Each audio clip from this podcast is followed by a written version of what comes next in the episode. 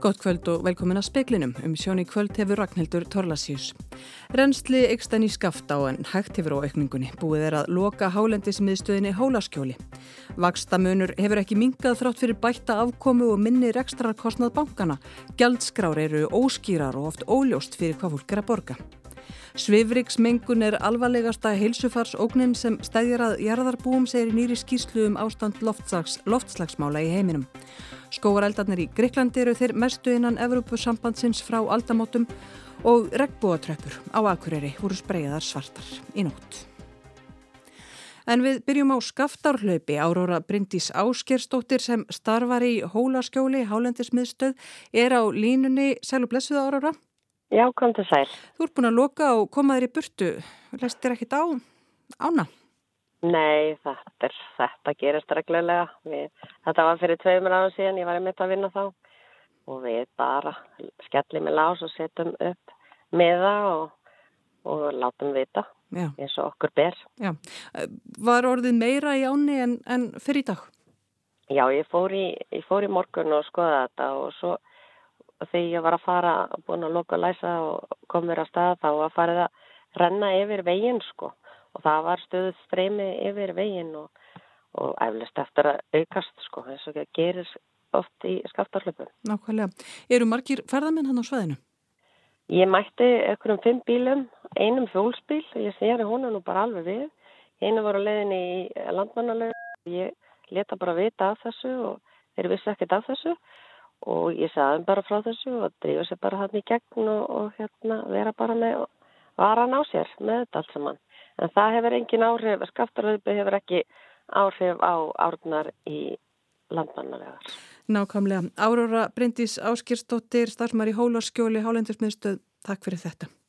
Og það er rétt að benda á að almannavarnir minna á að brennisteins vettnismengunar getur gætt þar sem að hlaupvatt kemur undan jökli. Það getur skadað slímhúði öndunafærum og augum aug þar sem að ár geta flætti fyrir bakka og vegi sem liggja nærri og almannavarnir ráðleggja ferðafólki eindreið að halda sig fjari farvegi skaftar ofan skaftar dals og svo og jöðurum skaftar jökuls, tungna árjökuls og síðjökuls á meðan að hlaupi stendur yfir.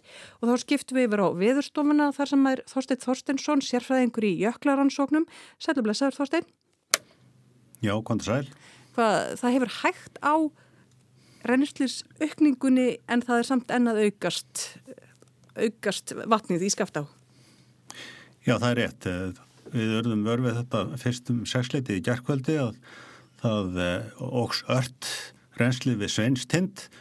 Uh, síðan í nótt þá svona hægði á aukningunni eins og þú sagðir, það er sem sagt reynslisaukningin er ekki eins ör og hún var í fyrstu en núna bara á síðasta klukkutímanum tímanum hefur við orðið vörfið dálitla aukningu á ný þar að segja að þetta er farið að rýsa örar en var fyrir dag sko. mm. þannig að það er aldrei að veita hvað gerist Nei uh, skafta hún svona, já, maður heldur að það verði vennlegt hlaup eins og því sögðu í morgun og svo veit maður aldrei.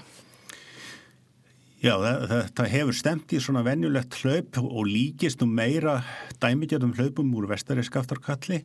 Síðast þegar hann hljóp 2021 þá fór renslið ekki yfir 550 rúmetrar á sekundu við sveinstind. Það er núna komið í 640 þannig að það, þetta verður nú kannski eitthvað starra.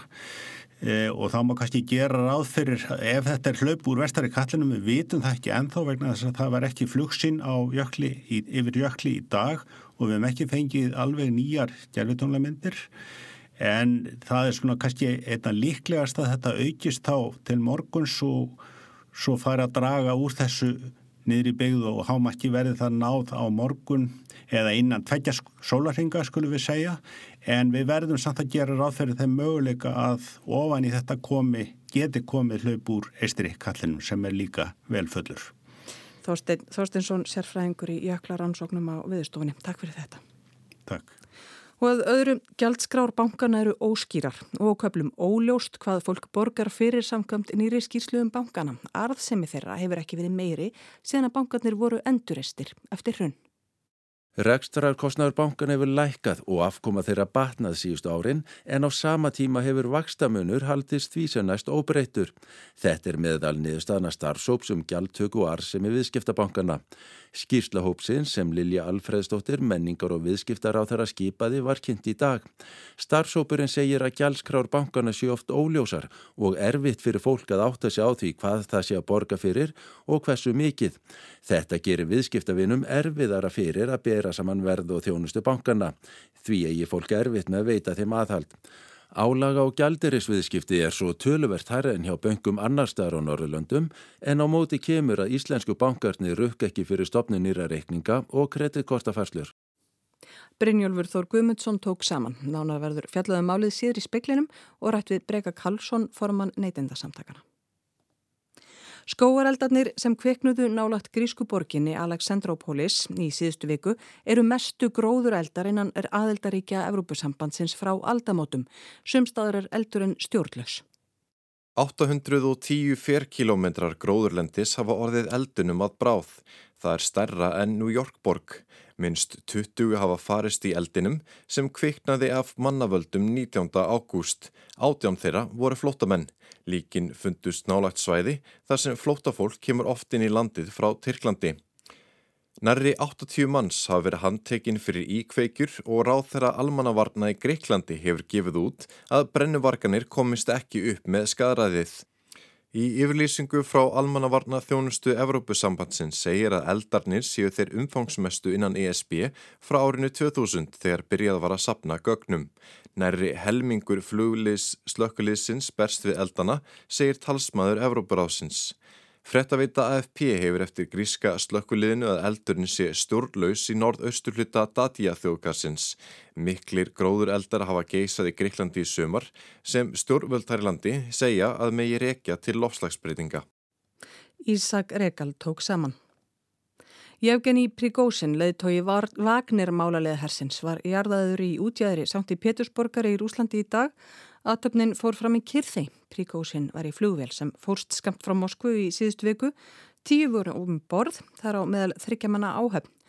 Príkósin gerði uppreist gegn rúsneskum stjórnvöldum og var í kjölfarið gerður útlægur. Skemdarverk var unnið á regnbúatröppum á Akureyri í nótt. Forvarna og félagsmálaraðgjafi hjá Akureyrar bæ tilur hugsanlegt að innblásturverknaðanum hafi verið fengin af svipuðu skemdaverki á höfuborgarsvæðinu um helgina. Tröppurna liggja upp að félagsheimilinu Rosenborg á Akureyri og hins einn félagsmiðstöði bænum málaði þær í fyrra. Í hádeginu gekk Linda Björk Pálsdóttir, forvarna og félagsmálaráðgjöfi hjá Akureyrarbæ, fram á ófara sjón. Spreyjað hafi verið með svörtu veggjarspreyi yfir regnbóatröppurnar. Þetta er náttúrulega bara mjög sorglagt að, þérna, að fólk geta ekki leift hús þessum regnbóa litum, regnbóa fánum að vera í friði. Ég, veist, ég sé ekki hvernig það skadar nokkur einasta mann þó að sé regnbóa litur einhverstað. Skemdarverk var líka unnið í Reykjavík um helgina þegar málað var yfir regnbóafánan á skólaföru stíg. Lindu þykir hugsanlegt að hugmyndin hafi verið fenginn þaðan. Já, ég hugsa að það gæti alveg einhvern að fengi hérna, hugmyndina eftir frettina frá Reykjavík. Linda segir að tröppurnar verði málaðar að nýju. Hún vonar að gerendum bjóðist aðstóð en það endur spekli svona gjörðir vannlíðan. Það væri náttúrulega frábært ef að, að hérna, sá sem að, að sáu að þeir sem að gera þetta, þeir bara hafið samband við okkur. Þeim er velkomið að koma og hjálpa okkur að, að reynsa til eftir sig og það var engin, engin eftirmálar því. Við ræðum bara málið, góða tómi og við erum mjög bara spennt fyrir að heyra hvaða er sem að veldur, hvers vegna sér fólksveit núið til að gera svona. Saði Linda Björk Pálsdóttir, Amanda Guðrún Bjarnadóttir tók saman. Knatsbyrnumadurinn Gilvi Þór Sigursson gengst undir lækniskoðun hjá Danska félaginu Lyngby á morgun. Áður en hann skrifur undir eins á samning samkvæmt frettdanska meðelsins BT.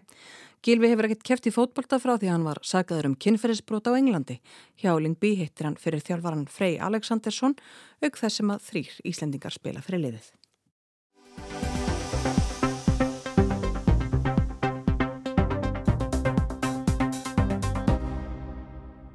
Viðskiptabankarnir þrýr hafa heilt yfir náð fram verulegri hagræðingu í starfsemi sinni og arðsemi bankana er núna almennt nokkuð herri en hjá böngum af sveipaðri stærðargráðu annar staðar á Norðurlöndunum. og vakstamunur bankana er mun meiri hér en þar. Erfitt getur verið fyrir neytendur að átta sig á hvaða þjónustu þeir eru að kaupa. Þetta eru megi niðurstöður starfsóp sem Lilja Alfredsdóttir viðskiptar á þeirra skipaði fyrir ári til að skoða gjaldtöku og arðsemi viðskiptabankana. Hópurinn átt að skoða hvernig bankarnir öfluð tekna meða við aðra norræna banka. Það átti sem sagt að skoða þóknanir, þjónustutekjur, vakstatekjur og vakstamun. Markmiði var að skoða hvort að Íslensk heimili greittu meira fyrir almenna viðskiptabanka þjónustu en heimili annar staðar á Norðurlöndum.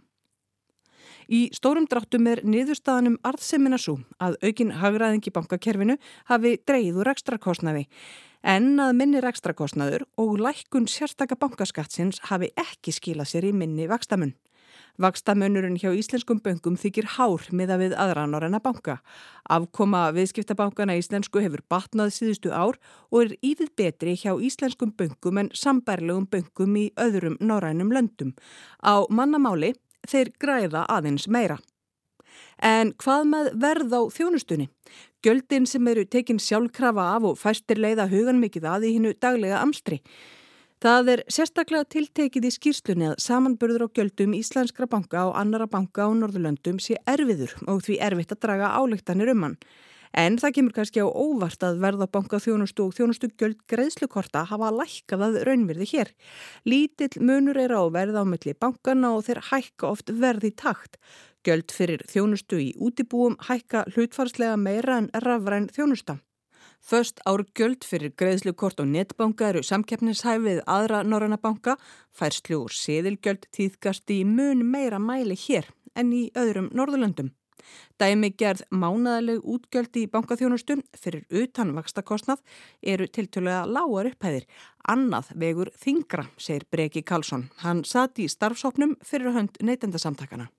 Stæstu upphæðinar eru náttúrulega gengismunur á, á greiðslukortum þegar að fólk er að versla erlendis í, eða í, á, á vefnum við erlendar vefveislanir þegar þú greiðir með, með greiðslukortið þá eru bankarnir að taka til sín ja, 2, 3 og 4% eh, hérna, gengismun sem, sem þekkist ekki neinstakar annar staðar mm. sem dæmi er, er gengismunur í Danmörku á byljunu 0,05 til 0,5% og, og þannig að við erum að, að sjá margfald hærri gengiskostnað hér á landi eh, heldur en annar staðar og þetta er nú eitthvað sem þurfti að, að laga.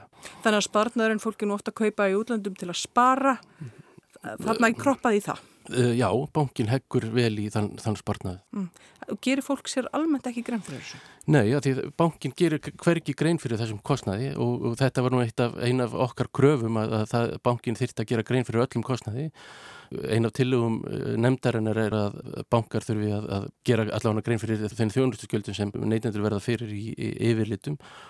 Ég vona að það verði bara að veruleika að gengismunur verði þar líka að að það eru raunverulur kostnaður hjá, hjá neytendum. Annað sem líka hérna, stingur eh, er að hár kostnaður greiðslu miðlunar á Íslandi fyrir þjóðfélagið í heilt. Uh, ég vil þó að neytendur séu ekki endilega hérna, verða ekki fyrir því beint þá verða þeir fyrir óbeinum kostnaði vegna uh, greiðslumiðlunar og kostnaður hér á landi er, er mun herri heldur en, heldur en í, í nágrannalöndunum, tvöfalt og þrefalt herri heldur en í Nóri og Danmörku til dæmis. Hvernig gerist þetta? Til dæmis að þú greiðir við eh, með greiðslukorti, neytandin greiðir ekkert innan gæsalappa, ekkert hérna gjald fyrir það. Kostnaðurinn er, er í bakvinnslunni í, í mjög dýrum uh, leiðum þar, þannig að, að sá kostnaður lendir inn í vöruverðinu og neytandi þarf svona óbeint að borga það með, með herri kostnaðu. Þetta nefnur Sælabankin hefur bent á að þetta nefnur 1,5% af landsframleyslu. Það er ótrúlegt og það er svona verið að tala fyrir því þarna eina vikar tilögum um er að þetta sé skoðað, Já, að það sé ekki hægt að, að bæta þetta. Nákvæmlega. Það er aldrei talað um ógagsæga gjaldtöku, um svona að það sé erfitt átt að segja á því. Mm. Hvað er verið að rukka fyrir mm. og hvað ekki. Mm.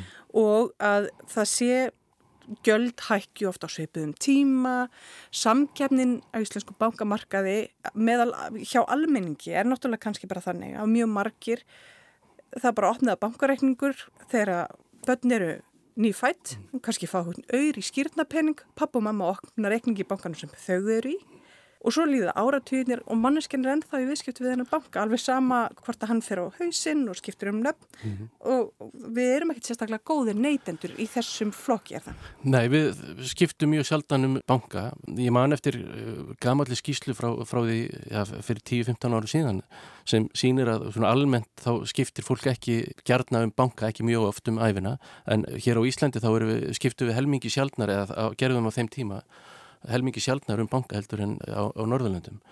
Hluta því er náttúrulega að verðskrá bankana er mjög ógagsæ, hún er mjög skýra því leiti að það eru hérna, margar blaðsýður af einhverjum gjöldum en það er engin leið fyrir vennulegt fólk að fara í gegnum það og, og, og áætla ja, hversu mikið er ég að fara að verja í debutkortafæslur eða í hversu ofta á ég eftir að ringja í og borga þá eitthvað þjónustugjald og og þess aftar. Þannig að ég held að það verði til mikill að bóta ef að ein, ein af tilugum okkar í nefndinni verður að veruleika þar að segja að bankanu verði að gera grein fyrir þessum kostnaði hérna, í yfirlitum sínum og, og hvernig, já, raun og veru hvað þú ert að borga og, og, og fyrir hvað. Samanburðar vefsjá, það er líka eina af ykkar tilugum heldur fólk muni nota þetta að norrætni fyrirmynd svona, já. Það fer náttúrulega eftir því hvernig hún er sett upp og það þarf þá að vera hérna, með eh, hérna, einstaklingsmiðuðum uh, upplýsingum þar að, að þú getur þá á auðveldan hátt séð sko, hvernig þú hefur verið, að, að, að hvaða þjónustu þú hefur verið að kaupa þínu banka hinga til. og bóruð það svo saman við hérna, hvað aðri bankar væru að innhenda fyrir slíkt. Það er alltaf sagt sko að, að djöfullin sé í smá aðriðunum og það er alltaf skiptið svo miklu máli að þessi vefsjá verðuna veruleika, að hún sé velgerð og þannig að, að það sé einfalt að nota hana og, og, og að neytendur nota hana, það er því annars missur hún náttúrulega margs fólk sem er bara í fullri vinnu og, og hérna heimili og þá þarf að elda og sinna öllum og hefur fólk raunverulega tíma til að standi því að setjast niður og skoða samanburðar vefsjá um fjármál? Eins og staðan er núna þá er það náttúrulega augljóslega nei að því að fólk eh, gerir sér ekki grein góða grein fyrir því hvaða þjónustu það hefur verið að, að kaupa af bankunum sínum. Einu tilugum okkar er einmitt þessi samanbröða vefsjá en líka að bankanir verði að gera grein fyrir því hvað fólk hefur verið að kaupa og, og hvað er að hefur verið að greiða fyrir það og ef það er saman tekið á, á einum stað á, í upplýsingum sem, sem e, neytendur fá þá um, væri náttúrulega einfalt að hérna, taka það saman og få tilbúði í það svipað eins og fólk fær tilbúði í tryggingar út frá tryggingasögu sinni og út frá sinni nótkun. Uh, annað sem við líka bendum á í þessari skýslu er að, að ebla þarf eftirlitstofnanir bæði neyndstofu og samkjöfniseftirlitið samkjöfniseftilitið og neyndustofa hafa, hafa spilað stóra rullu í því að, að koma skikki á, á þetta landslag og, og eh, skemst að minnast þess að samkjöfniseftilitið gerir sátt við bankana fyrir örfám árum um, um það að, að það væri auðveldar að, að skipta á milli banka, fara úr einum banka í annað. En, en rannsóknur hafðu sínt að Íslendikar voru tregastir allra að skiptum banka uh, þar, þanga til og var nú kannski áhugavert að, að kanna það hvort að við séum eitthvað, orðin eitthvað betri í því að, að, að gera það. Breki Karlsson, formaða neytjönda samtakana. Takk fyrir komuna. Takk.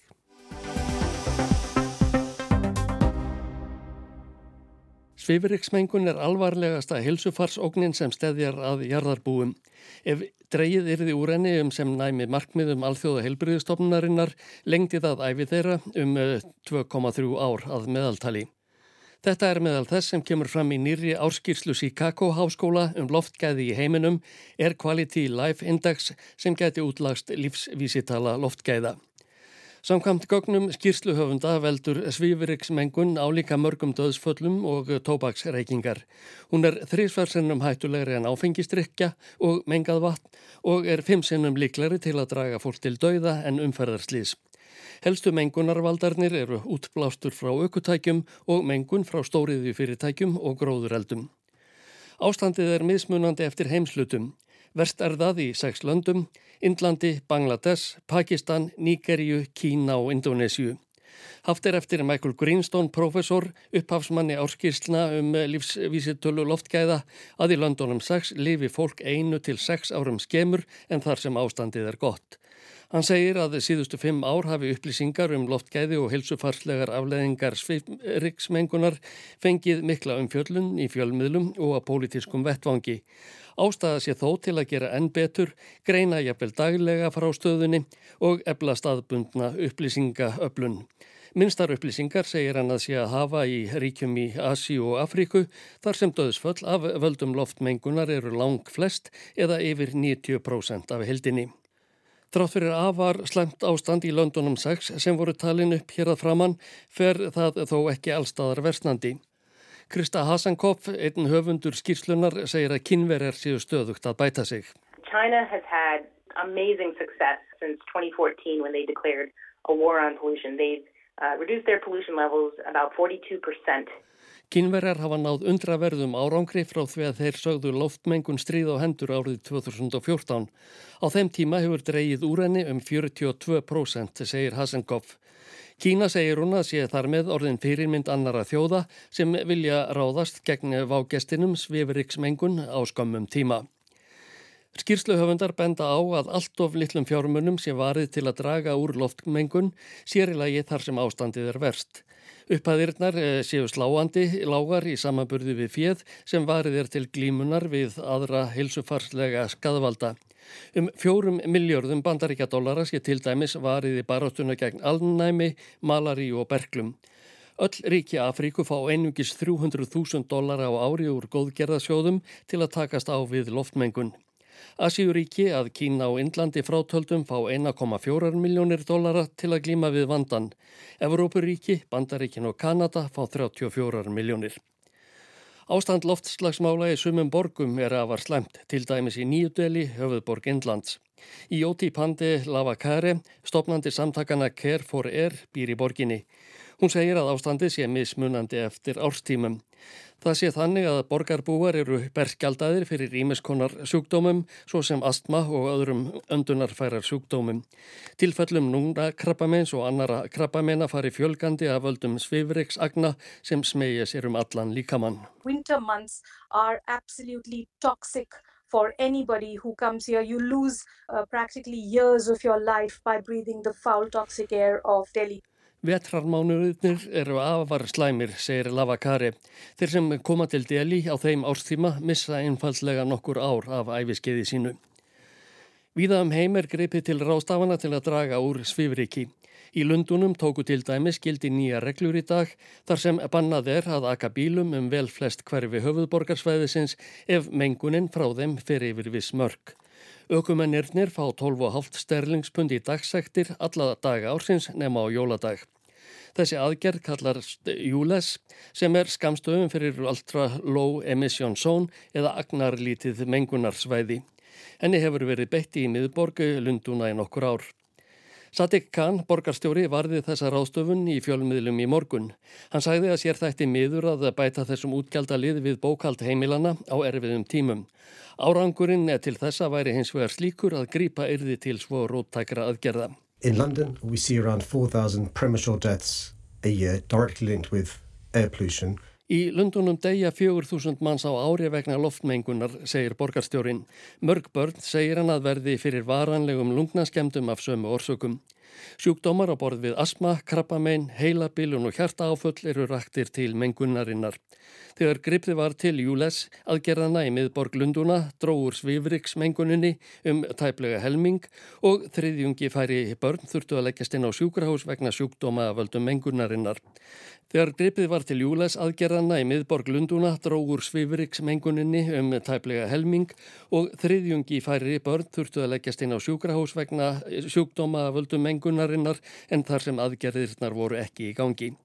Sadik Khan segir að vel flestir bílar sem akka um götur Lunduna mengi lítið og áður en langt um líður verði hinnir hornir. Áskir Tómasson tók saman.